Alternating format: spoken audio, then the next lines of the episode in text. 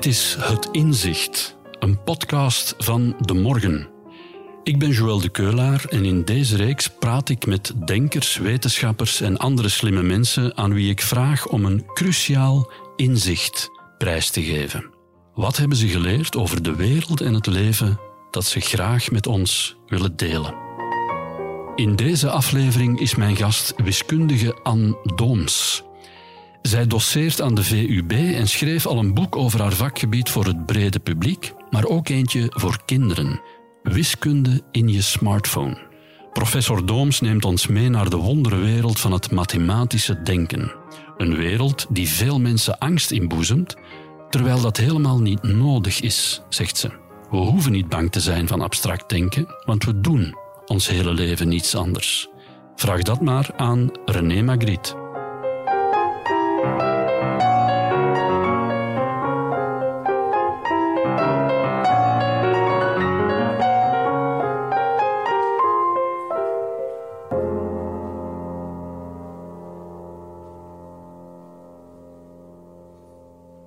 Anne Dooms, welkom in uh, onze podcast Het Inzicht. U bent professor wiskunde aan de VUB, Vrije Universiteit Brussel.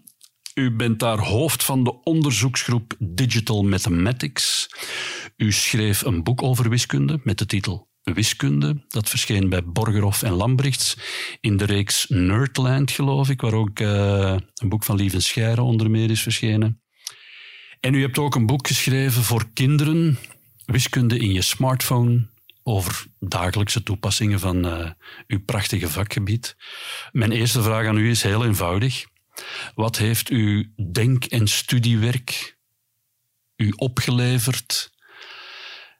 Is daar, zit daar ergens een inzicht waarvan u zegt, dit is echt een fundamenteel en cruciaal inzicht dat ik graag met iedereen zou willen delen? Wel, um, ja, wiskunde kent zijn voor- en uh, tegenstanders. Tegenstanders wijten vaak de angst voor wiskunde aan de abstractie. En dat is iets dat ik zeer verrassend vind, omdat wij mensen echt wel meesters zijn in abstraheren. En dat wordt voor mij het mooiste geïllustreerd door uh, het schilderij Cécine pas une pipe van Magritte. Mm -hmm. En dat toont dat een geschilderde pijp is geen echte pijp, maar een voorstelling van de werkelijkheid. Net zoals het woord pijp. En met taal uh, zijn wij continu aan het, uh, aan het abstraheren.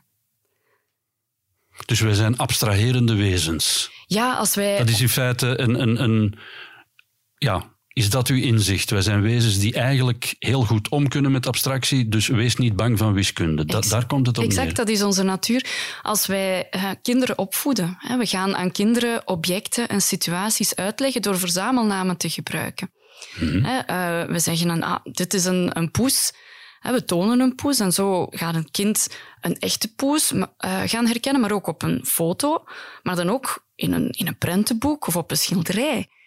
En dat zijn allemaal wezenlijk verschillende voorstellingen van. En ook totaal verschillende katten. Ja, ja. ja, ja andere kleuren. En toch kan een kind dat uh, heel snel abstractie van maken. Dat gaan veralgemenen. Hè. Ze heeft nooit alle uh, poezen gezien. Er kan misschien in het begin eens een verwarring zijn met een tijger. Ja. Hè, maar ook daar komen dan andere wiskundige concepten op een natuurlijke manier bij. Want dan gaan we zeggen, ah, een tijger is groter.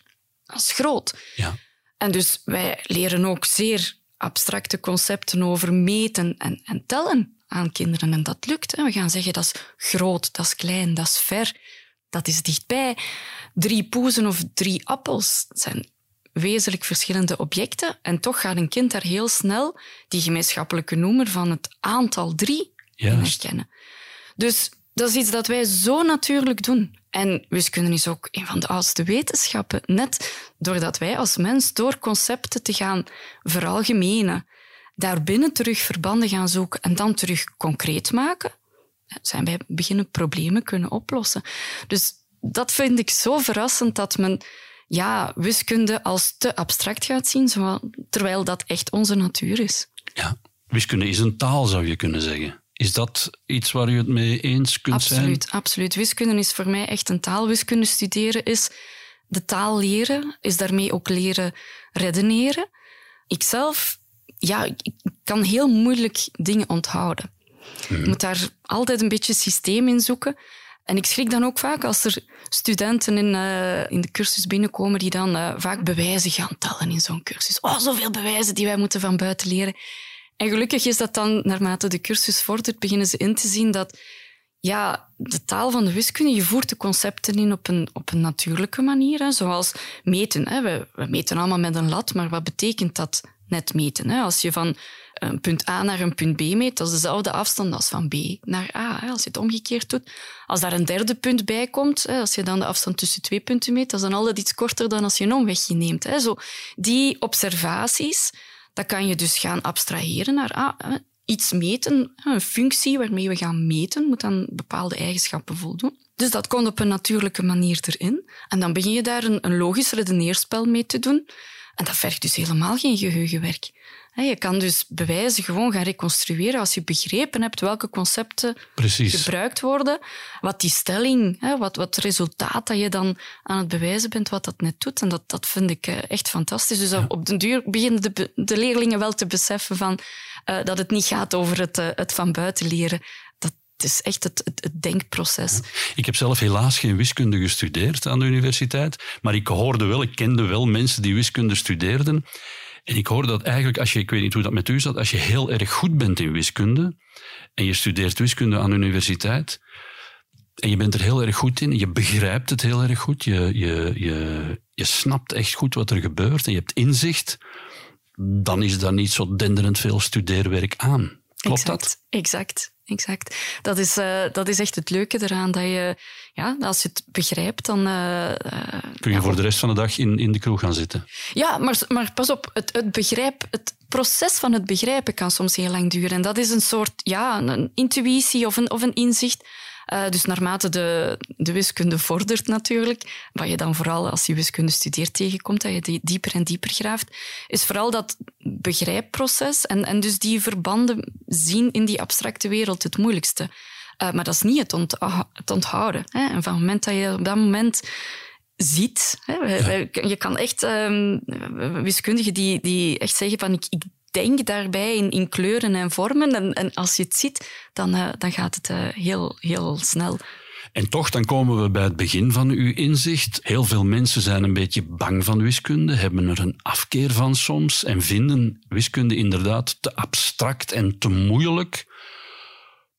Ja, hoe kun je mensen daar dan van uh, genezen tussen aanhalingstekens? Hoe kun je, is dat mogelijk om iemand die bang is en dat veel te abstract vindt, om die toch van wiskunde te laten houden? Kan dat? Wel, dat de vele luisteraars misschien die, die zich in die situatie bevinden. Vertel eens, hoe kunnen zij van wiskunde leren houden? Wel ja, ik, ik, ik probeer dat op, op verschillende manieren. Hè. Ik, uh, ik vertel veel over wiskunde en dan natuurlijk ook in, in, uh, in mijn boeken probeer mm -hmm. ik dat.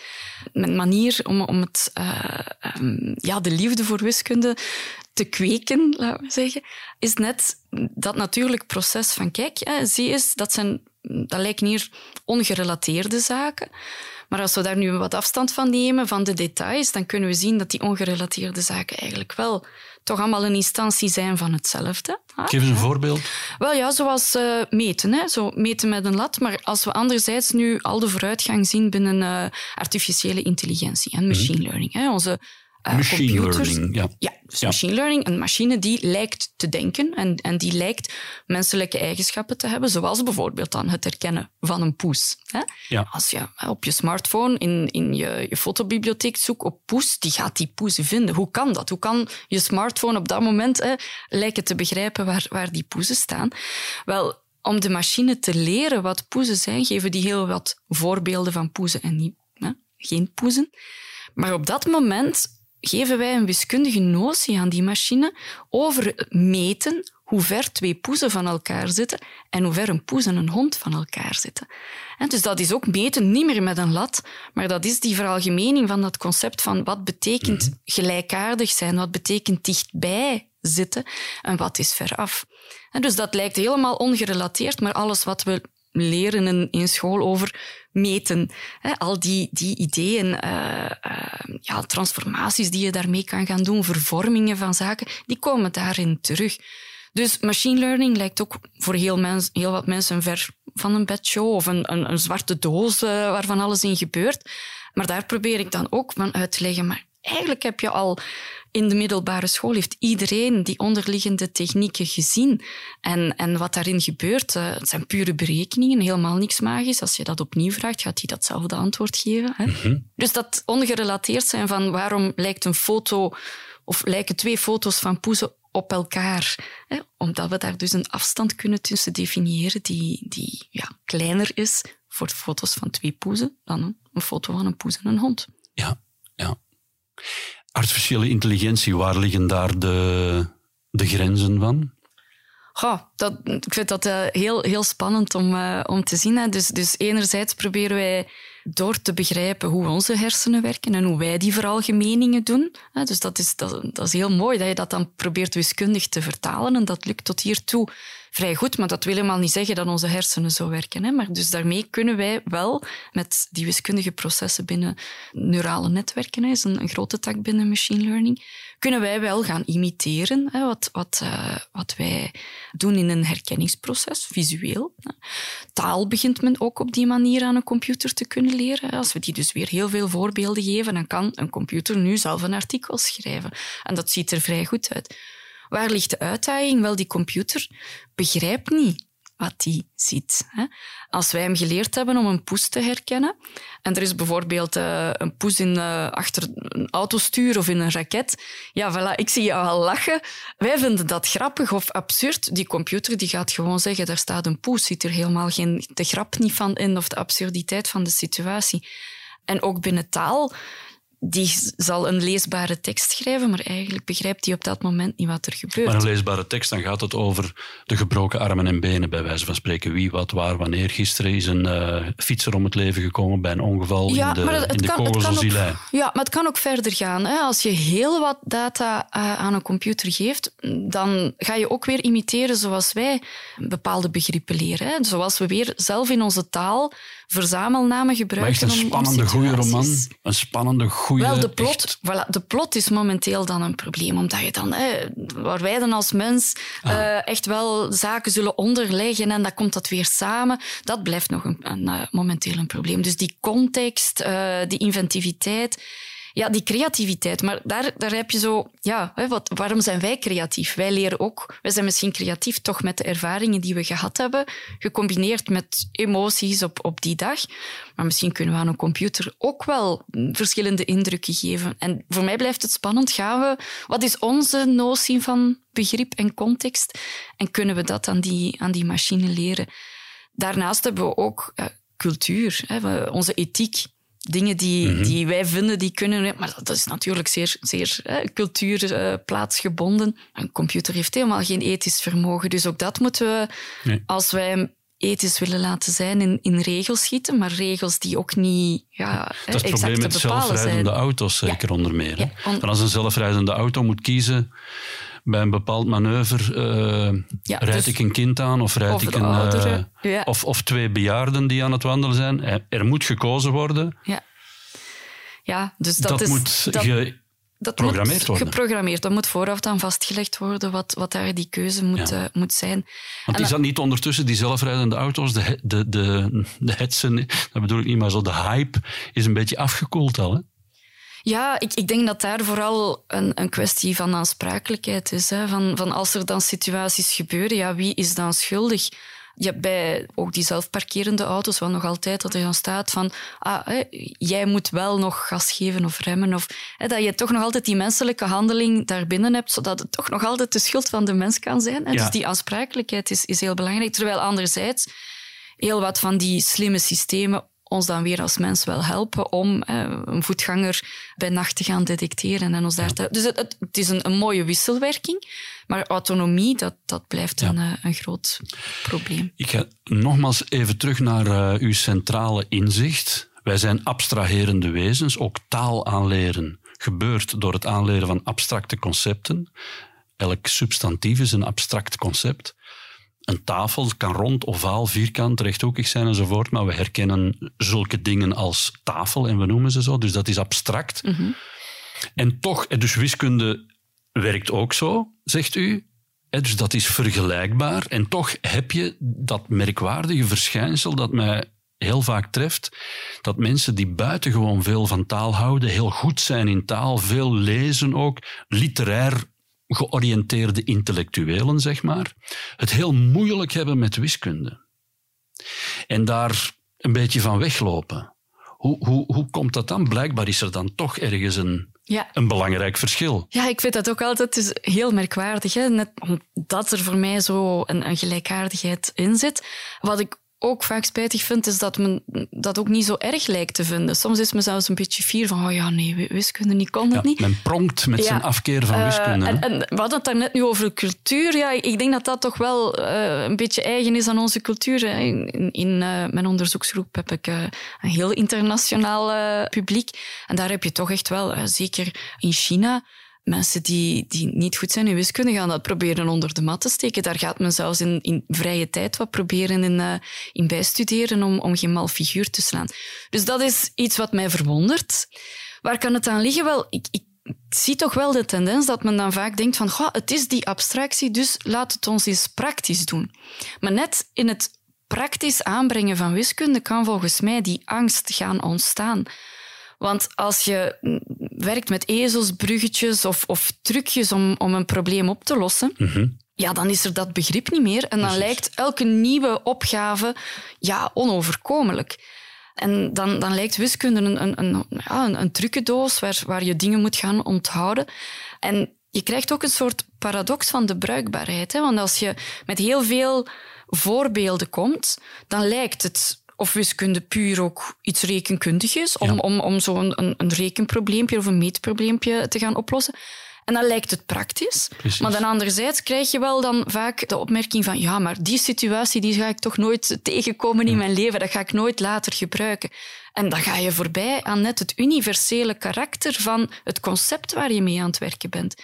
Dus ik, ik, en ook je mist de schoonheid van de wiskunde. De schoonheid ook, ja. Maar echt net het praktisch nut schuilt hem in het kunnen veralgemenen van een concept en dan te concretiseren in verschillende situaties. En dat is waar, waar je als wiskundige het, het plezier in schept van problemen waar dat je anders heel lang kan op staren van te zeggen, ah ja, maar kijk, laat ons dat eens even wiskundig gaan benaderen. Wat, wat is de kern van de zaak? Laat ons de details wegdoen. Wat, waar gaat het net over? Moeten we aantallen tellen? Moeten we meten? Hè? Dat is vaak, is, is het iets tellen of meten? Dat zijn zo twee complementaire zaken.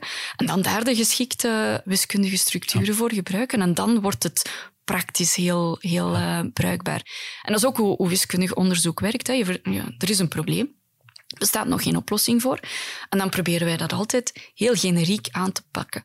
En dan ja, komt er een hele theorie op gang, waar op dat moment sommige mensen dan wel echt denken van, goh, wat zijn die nu aan het doen? Die zijn, het is ver van de werkelijkheid af. Maar als je het op die manier een, een, hele theorie ontwikkelt, dan pas ga je gaan zien van, ah, maar nu kan ik dat één probleem wel oplossen, maar tegelijkertijd kan ik ook dit en dit aanpakken. En ik denk dat we daar terug in ons onderwijs naartoe moeten. Ik, ik schrok een tijdje geleden, toen de resultaten van de peilingsproeven, hè, dat uh, is een onderzoek dat onze overheid laat uitvoeren, hoe het gesteld is met, in dat geval was uh, zesde leerjaar lager onderwijs. Ah ja, de resultaten wiskunde waren niet goed. Mhm. En dan was er een, een, scholengroep die daarop reageerde. Oh ja, maar wij, hebben, wij, wij zien heil in. Ja, we gaan minder abstract werken en we gaan nog meer toepassen. Ja. En dan denk ik, nee, daar ligt net de kern van het probleem. Ja. ja. dan word ik heel, heel trist het is een, een zware tanker die je dan ook zomaar niet keert. Hè? Want we hebben dan de handboeken die eh, op een bepaalde didactiek vastzitten. Je, je gaat dat ook niet allemaal zomaar omkeren. Precies, en die didactiek... Alle mensen met kinderen die al rekenen en wiskunde hebben gehad uh, en die daar enige aandacht aan besteed hebben, zullen dat weten. Die didactiek is erop gericht om kinderen inderdaad trucjes te leren, mm proceduretjes. Hè? Als, als je geconfronteerd wordt met een vraagstuk van deze aard, doe dan eerst dit, doe vervolgens dat, doe dan dat en doe dan dat. Als je die procedure leert als kind, dan begrijp je helemaal niet wat je aan het doen bent. En je dus, doodt heel het creatieve proces. ja, precies. Terwijl het eigenlijk om gaat, begrijp je wat, wat men je vraagt hier. Begrijp, begrijp je wat je moet doen. Is, uh, dus het, dat onderwijs is een beetje dat is niet goed uh, gefocust. Ja, ik, daar, daar moet echt een kentering in komen. En, en als ik zelf wiskunde ging gaan studeren, ik, ik, ik deed het graag, maar toch was ik verrast hoe een wiskundestudie aan de universiteit helemaal anders is dan hoe dat je het in het lager en het middelbaar onderwijs kreeg. En nu is het eigenlijk nog veel veranderd ten opzichte van vroeger. Hè? Maar als wij oefeningen aan, aan de universiteit geven, dan die uitkomst waar men zich in het onderwijs altijd blind op staart, dat is maar bijzaak. Het is heel het proces, het mhm. creatieve proces, de verschillende manieren om tot een oplossing te komen, dat ons interesseert. En, en, uh, en dat is natuurlijk ook een, een, deel subjectief. Als je tot de oplossing komt, in wiskunde is, is uh, je hebt correct of niet correct, hè, daar kan men niet over discussiëren. Maar je hebt wel wat wij vinden, mooie en, en minder mooie oplossingsmethoden. Hè? En uh, dat, niet dat we daarop gaan het Het ene bewijs kan eleganter zijn dan het andere. Hoe, wat maakt een bewijs eleganter? Wel, de ja, kortheid en eenvoud ervan, is het dat? Net het, het bijeenbrengen van, van inzichten en van concepten waar je dacht, ah ja, ik doe dat vaak in, in mijn cursussen ook, van bepaalde resultaten. Zo van, ja, je kan dat nu ruwweg gaan uitrekenen, formeel uitrekenen. Of je kan opmerken dat, als we dat op die manier, op die manier bekijken, uh, dat het neerkomt daarop. En dat, dat vind ik echt uh, net het mooie. Maar ja, in ons onderwijs zien we, als ik dat zie bij, bij mijn kinderen in het lager onderwijs, hè, uh, wordt ook het leerproces bij de kinderen in handen gegeven. Ze werken zelfstandig in de klas aan, aan bepaalde vraagstukjes, oefeningen. En dan wordt de oplossing geprojecteerd, de einduitkomst. En dan, ja, dat is dan waar het lijkt om te gaan. En als die uitkomst fout is, dan is dat ja, een rekenfout of zo, wordt er dan gedacht. Maar net daar zou ik als leerkracht beginnen. Ah, maar waar zit jouw fout? Waar heb je geredeneerd? En daar is ook geen tijd meer voor, hè? dat is geen verwijt. Maar dat is denk ik waar men in ons onderwijs moet, moet, uh, moet mee beginnen van, kijk, jij hebt nu die oplossing niet. Waar is het fout gegaan en waarom? En dat graven. En dat is wat wij in, in, in onze oefeningen-sessies doen. En, maar dat is, dat is een cognitief zware oefening, hè? om in de redenering van iemand anders die een fout heeft gemaakt, van mhm. daarin mee te gaan en dan te kijken, ah, maar hier, hier zit de kern van jouw probleem. Ja. Ik denk dat dat veel aan ons, aan ons onderwijs kan oplossen als we leerkrachten daar terug de tijd voor krijgen en ook de opleidingen. Want ja, daarvoor, uh, als we spreken over het lager onderwijs, wij vragen van die leerkrachten om, om de homo universalis te zijn. Hè. Ze moeten en taal aanbrengen en ze moeten wiskunde aanbrengen. En dan gaat het niet over, ah ja, uh, zorg er maar voor dat die leerlingen hun maaltafels van buiten leren. Als je daar eens over nadenkt, twee getallen vermenigvuldigen, getallen delen, verdelen dat, dat zijn best moeilijke concepten. Dus ja, dat, mhm. niet iedereen kan dat zomaar uitgelegd krijgen. En ik denk dat er daar ook weer meer aandacht moet aan gaan. Want ik, zie toch wel bij mijn, bij mijn kinderen dat er heel vaak dan... Zitten in de lagere school? Ze zitten in de lagere. Dat er vaak wordt gezegd, rond de maaltafels bijvoorbeeld, van ja, maar ja, nee, die drill moet komen. En die moet er komen. Hè. Ja, ja dat lijkt me. Uh, dat moet parate kennis zijn, maar je mag daar niet te snel naartoe gaan. Want zo worden, ja, maaltafels mogen geen van buiten geleerde zinnen worden. Hè? Vaak, mijn, mijn zoontje die kan heel goed onthouden. En als je dan de, de volgorde omdraait, dan moet hij al zo even eens van, oei, ja. hè, daar zag je toch wel hè, in die automatisatie Precies. een deel geheugenwerk Je moet de maaltafel ook achterstevoren kunnen opzeggen, omdat je dan weet dat je dan telkens... Ja, Maar, maar ook bijvoorbeeld 7 x 8 of 8 x 7. Hè? De, gewoon dat die, die, die, dat omdraaien. Ja, ja dat, daar merk ik toch dat, dat, men, dat men te snel probeert te gaan naar dat geheugenwerk. En zoals dat je aangaf bij het oplossen van, uh, van vraagstukken naar, naar procedures, terwijl dat men daar toch wat meer mag, mag Er bestaan iedereen, enfin, de meeste mensen, of heel veel mensen kennen uh, de zogenaamde laatste stelling van Fermat. Uh, Simon Singh, die Britse wetenschapsjournalist, heeft daar een prachtig boek over geschreven. Een stelling, een hypothese, waarvoor Pierre de Fermat uh, x uh, aantal eeuwen geleden beweerde een bewijs te hebben. Maar de kantlijn was, uh, bood onvoldoende ruimte om dat bewijs te geven. En men heeft tot enkele jaren geleden dus gezocht naar dat bewijs. Dat is ondertussen gevonden. Weliswaar met hypermoderne wiskunde die Fermat onmogelijk kan gekend hebben. Dus als Fermat een bewijs had, dan weten we nog altijd niet wat dat bewijs was. Exact. Maar goed, los daarvan, er zijn nog zo'n paar grote wiskundige problemen waar je een miljoen dollar mee kunt verdienen, geloof ik, als je ze oplost. Hè? Ja, er zijn de Millennium Prize uh, problems. Mhm. Ja, er, er, zijn een aantal die je, die je kan beschrijven omdat ze over getallen gaan. Er zijn er andere die, die moeilijker te beschrijven zijn. Dat zijn onopgeloste problemen. Het zijn onopgeloste problemen waar de Clay Mathematics Institute, dat is een Mhm. uh, Amerikaanse instituut, in navolging van uh, Hilbert, dat is een, uh, een wiskundige die, die heel wat uh, betekend heeft, die heeft in 1900 wou die de wiskunde formaliseren. Men had al de hele tijd wel het, het idee van ja, een bewijs, hè, maar men, men vertrekt ja, of men bouwde voort. Hè. En, en in de wiskunde vertrekt men van axioma's.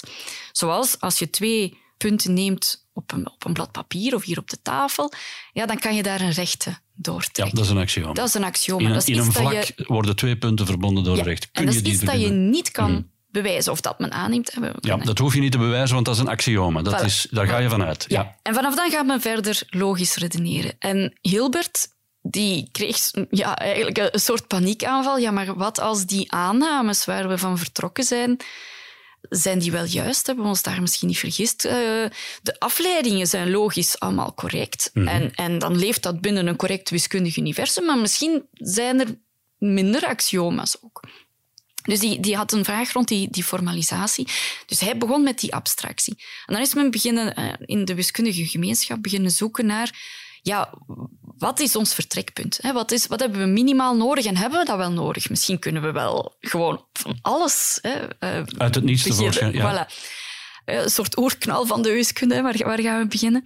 En dan heeft het, het heel de, de logica in gang gezet, waar we uh, Gödel en, uh, en Russell en, en Turing... Kijk, de logica is nog fundamenteler dan de wiskunde. De logica ligt ten Logica grondslag aan is de wiskunde. wiskunde, maar, maar daar gaat men echt gaan denken van waar moeten we van, van vertrekken. Ja. En dus Hilbert, doordat hij dat opzet had gemaakt van ik wil die wiskunde formaliseren, had een, uh, tijdens het, uh, dat is elke vier jaar, en dat is uh, toen ongeveer gestart, begin 1900, het Internationaal Wiskundecongres. En dus die had een aantal grote problemen, open problemen, onder andere rond die logica. Wat zijn de fundamenten van de wiskunde? Waar kunnen we uit vertrekken? Mhm. Ik zei daar straks al, binnen de wiskunde heb je waar of niet waar. Er is geen grijze zone. Hij stelde zich ook de vraag, kunnen we wel een bewijs vinden voor alles wat waar is? Ja, precies. Ja. Ah, en, en dat, dat, klinkt natuurlijk aannemelijk. Wel, dat bleek dan dat dat niet zo is. Nee. Er gaan altijd ware uitspraken zijn waar we geen, geen bewijs voor, ja. uh, voor kunnen construeren. Uitspraken waarvan we weten zelf. dat ze waar ja. zijn, maar waarvan we ook weten dat we ze niet kunnen bewijzen. Ja.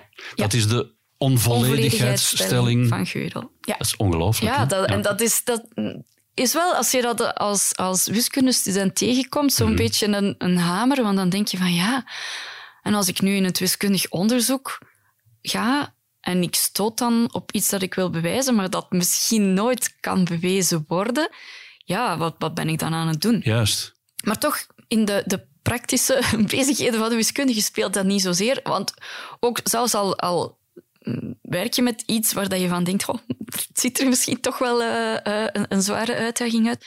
Je kan ook equivalenties met die dingen gaan bewijzen. Van, dat is eigenlijk, ja, ja als dus je dat wiskunde, kan oplossen, kan je dat ja. andere. Hè, en, en dus dat op, op zich. Het gebouw van de wiskunde niet. stort niet in nee, elkaar. Nee, absoluut niet. Maar het was wel misschien een beetje een deuk in de schoonheid. Dat je toch dacht van, ja, dat, dat zou niet mogen. En alleszins, ja, we hebben nu een omweg gemaakt. Uh, in 2000 heeft dus de Clay Mathematics Institute in navolging van Hilbert zijn ja. programma, heette dat dan, van een aantal onopgeloste problemen, hebben zij er een aantal gekozen waar je dan een miljoen dollar voor kan krijgen als je die oplost.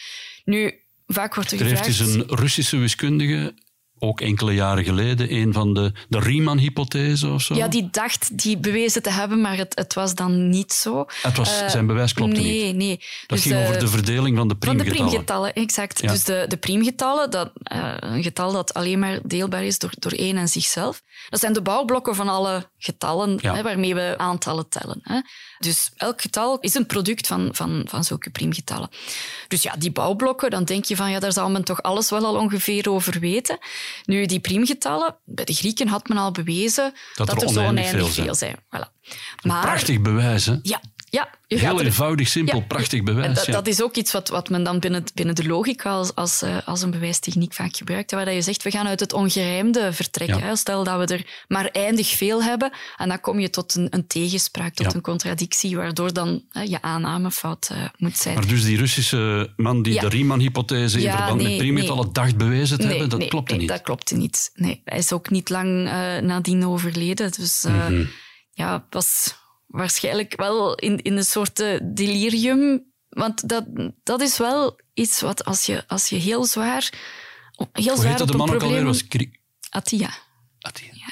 Als je heel zwaar op een, eh, op een probleem aan, aan het eh, denken bent, dat je soms echt wel in een, in een staat komt van, dat je denkt van, ah ja, ja ik, ik zie hier verbanden, ik zie daar verbanden. Ik, ik heb dat ook wel gehad, dat, dat ik soms nachts wakker schiet en denk van, ja, ik heb het. Is het waar? Ja, en, en ik, er is een tijd geweest dat ik een hoopje papier naast mijn bed had liggen en dat ik daar dan s'nachts aantekeningen op maakte in het donker om, om niemand wakker Een te hoopje maken. papier, zegt de wiskundige. Normale mensen noemen dat een bloknoot. Ah ja, nee, nee, nee. nee Een nee. hoopje papier. Nee, want, want volgorde van papieren, ja, dat, dat moet los zijn. Je moet dat kunnen, Ah, je moet dat Ah, kunnen naast elkaar Ah, leggen. ja. ja. Ja, ja, je moet kunnen vergelijken. Nee, nee, dat moet los zijn. Eh, ja, maar dan vaak als ik wakker werd, kon ik ook niet meer lezen wat, wat er daar stond. en dan blijf je zoeken van, ja, heb ik nu het licht gezien of niet? En eh, ik, denk dat, dat hij En iets waar u zo, wat is iets wat vaak in uw gedachten zit?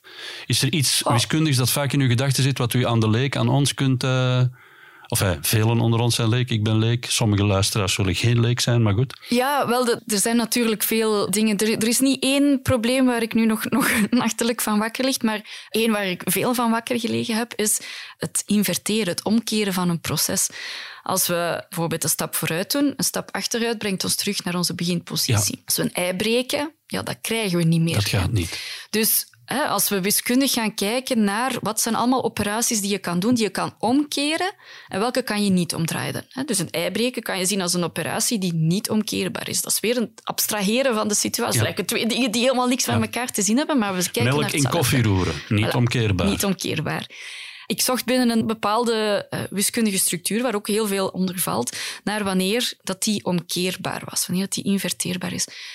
En je kan dan afvragen, ja, waar heb je dat dan voor nodig? Wel, ja, net omdat het zoiets universeel is, hè, het proberen kijken van wanneer is iets eh, omkeerbaar, eh, heeft dat heel veel toepassingen. Maar de toepassing die me daar eh, het meest begrijpbaar kan, kan voor geven, is het versleutelen van data.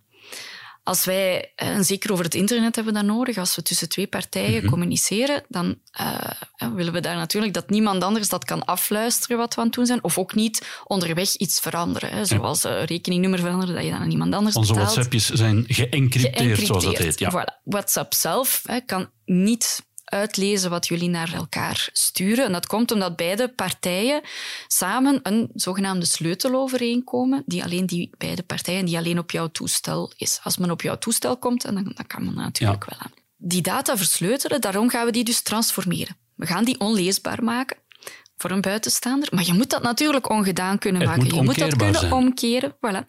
En dus is er binnen de wiskunde een, een heel groot gebied waar men kijkt naar operaties die men makkelijk kan omkeren wanneer je de sleutel bij de hebt, maar waar een buitenstaander, want het proces is omkeerbaar, waar een buitenstaander wel moeite mee heeft.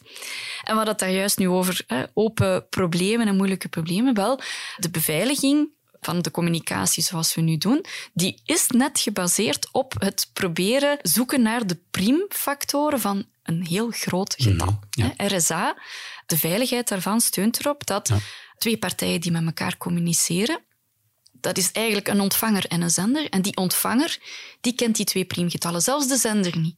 Maar dan wordt er afgesproken hoe dat die zender dan zijn bericht stuurt. En enkel die ontvanger, door die priemgetallen te kennen, kan het bericht uitlezen. En iedereen die ertussen zit, ja, die eh, moet dat moeilijke Ja, probleem dus een maar supergroot proberen getal oplossen. dat het product is van ja, twee van twee. priemgetallen. En van twee maar, hè.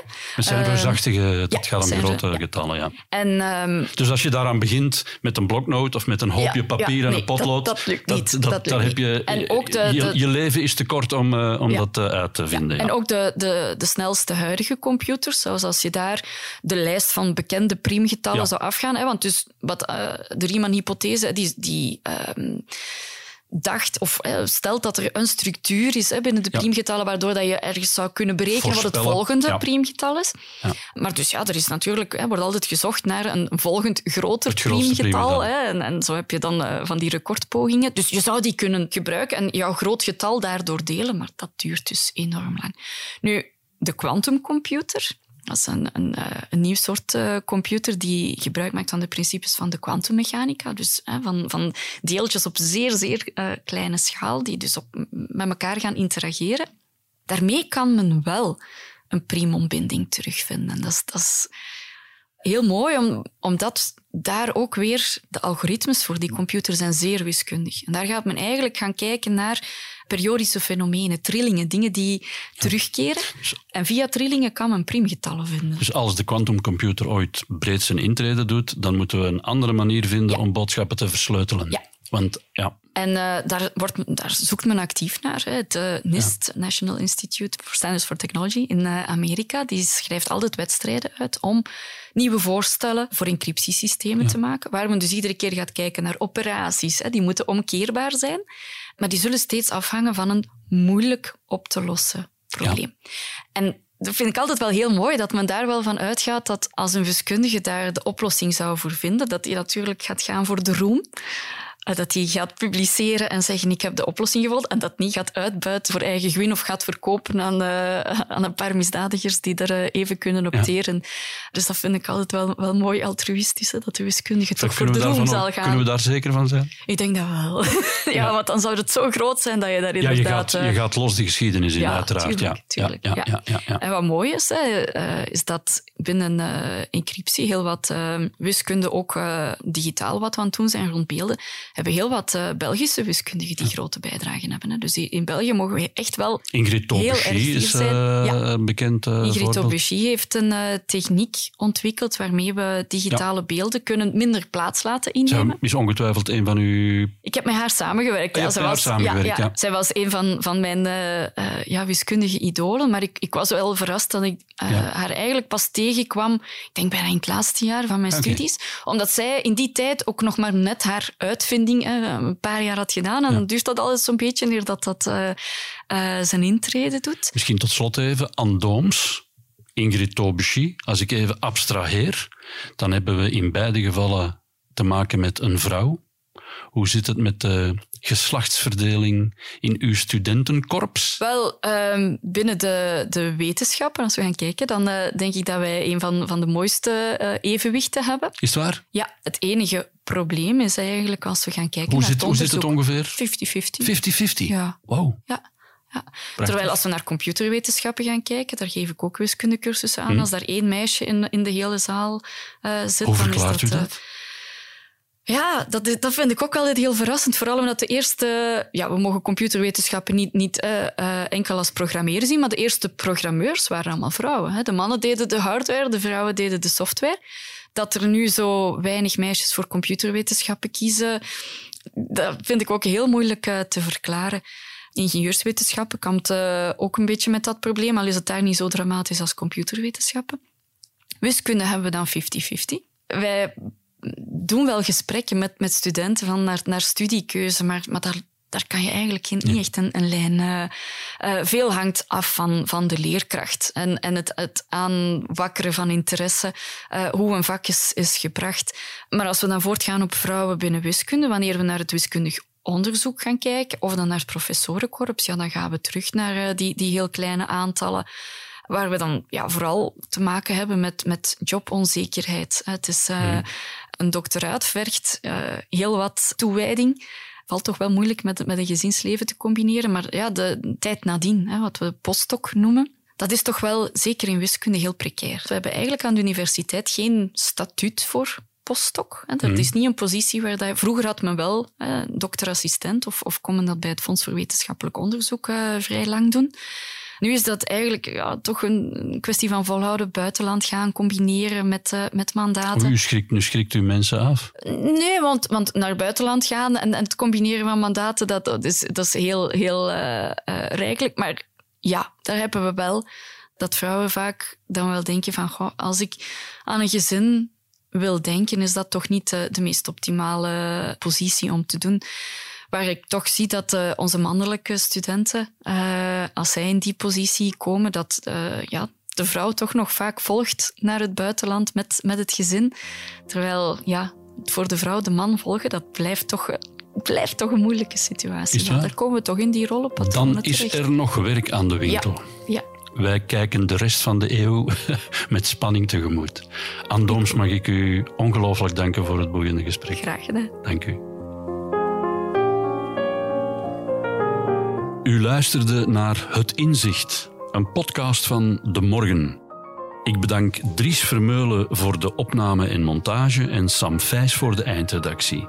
Meer afleveringen van deze podcast vindt u in de app van De Morgen of via Spotify of Apple Podcasts. Als u graag reageert, dan kan dat via het e-mailadres podcasts.demorgen.be. Hartelijk dank voor het luisteren.